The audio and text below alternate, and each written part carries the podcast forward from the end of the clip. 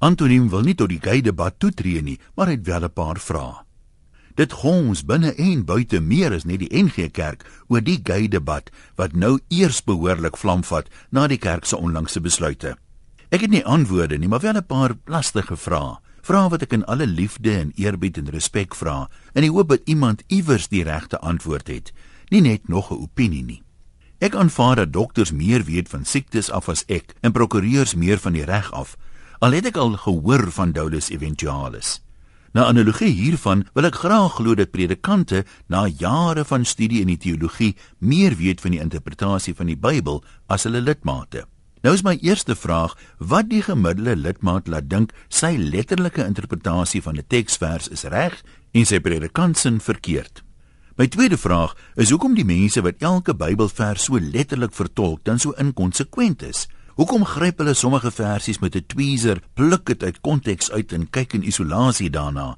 As die Bybel dan onveranderlik is en sy voorskrifte en gebruike vir ewig vas staan, moet jy mos steeds glo die aarde staan op pilare en die son draai om die aarde. Hoekom het dit toegelaat dat vrouens met onbedekte hoofde die huis van die Here binnegaan en erger nog, daar praat? Daar staan tog duidelik dat die vrouens van die gemeente moet swyg.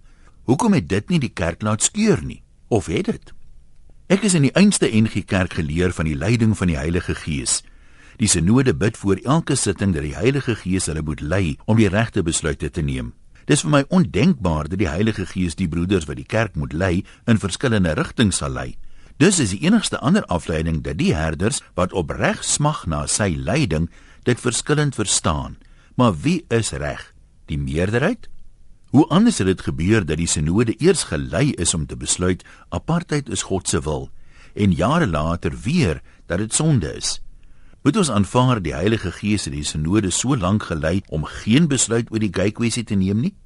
En nou dat hulle wel gelei is om 'n besluit te neem, glo duisende lidmate op voetsoolvlak die leiding wat hulle oor die kwessie kry, dit wil sonder om daaroor te bid, is superieur aan die sinode sin.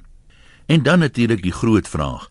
Daar's talle gay Christene wat opreg geglo het hulle is deur God geroep om op die kansel te staan en dan teologie gaan smat het wetende dat hulle nie georden mag word in die bediening nie. Dis is om 7 jaar te leer om 'n dokter te word, al weet jy vooraf jy sal nooit kan praktiseer nie. Nou hoe kan jy dit bevraagteken as iemand so oortuig is van sy roeping? Jesus wil hê ons moet glo soos kinders, nie dat ons ons gedra soos kinders nie. Is een van die kenmerke van 'n kind nie juis dat hy nie oordeel nie? Selfs van die stoere verregse siele het as kinders te heerlik op die plaas met die werkers se kinders gespeel sonder om eers agter te kom dat hulle anders is. Ek vra maar net in alle opregtheid. Groete van oor tot oor. Antoniem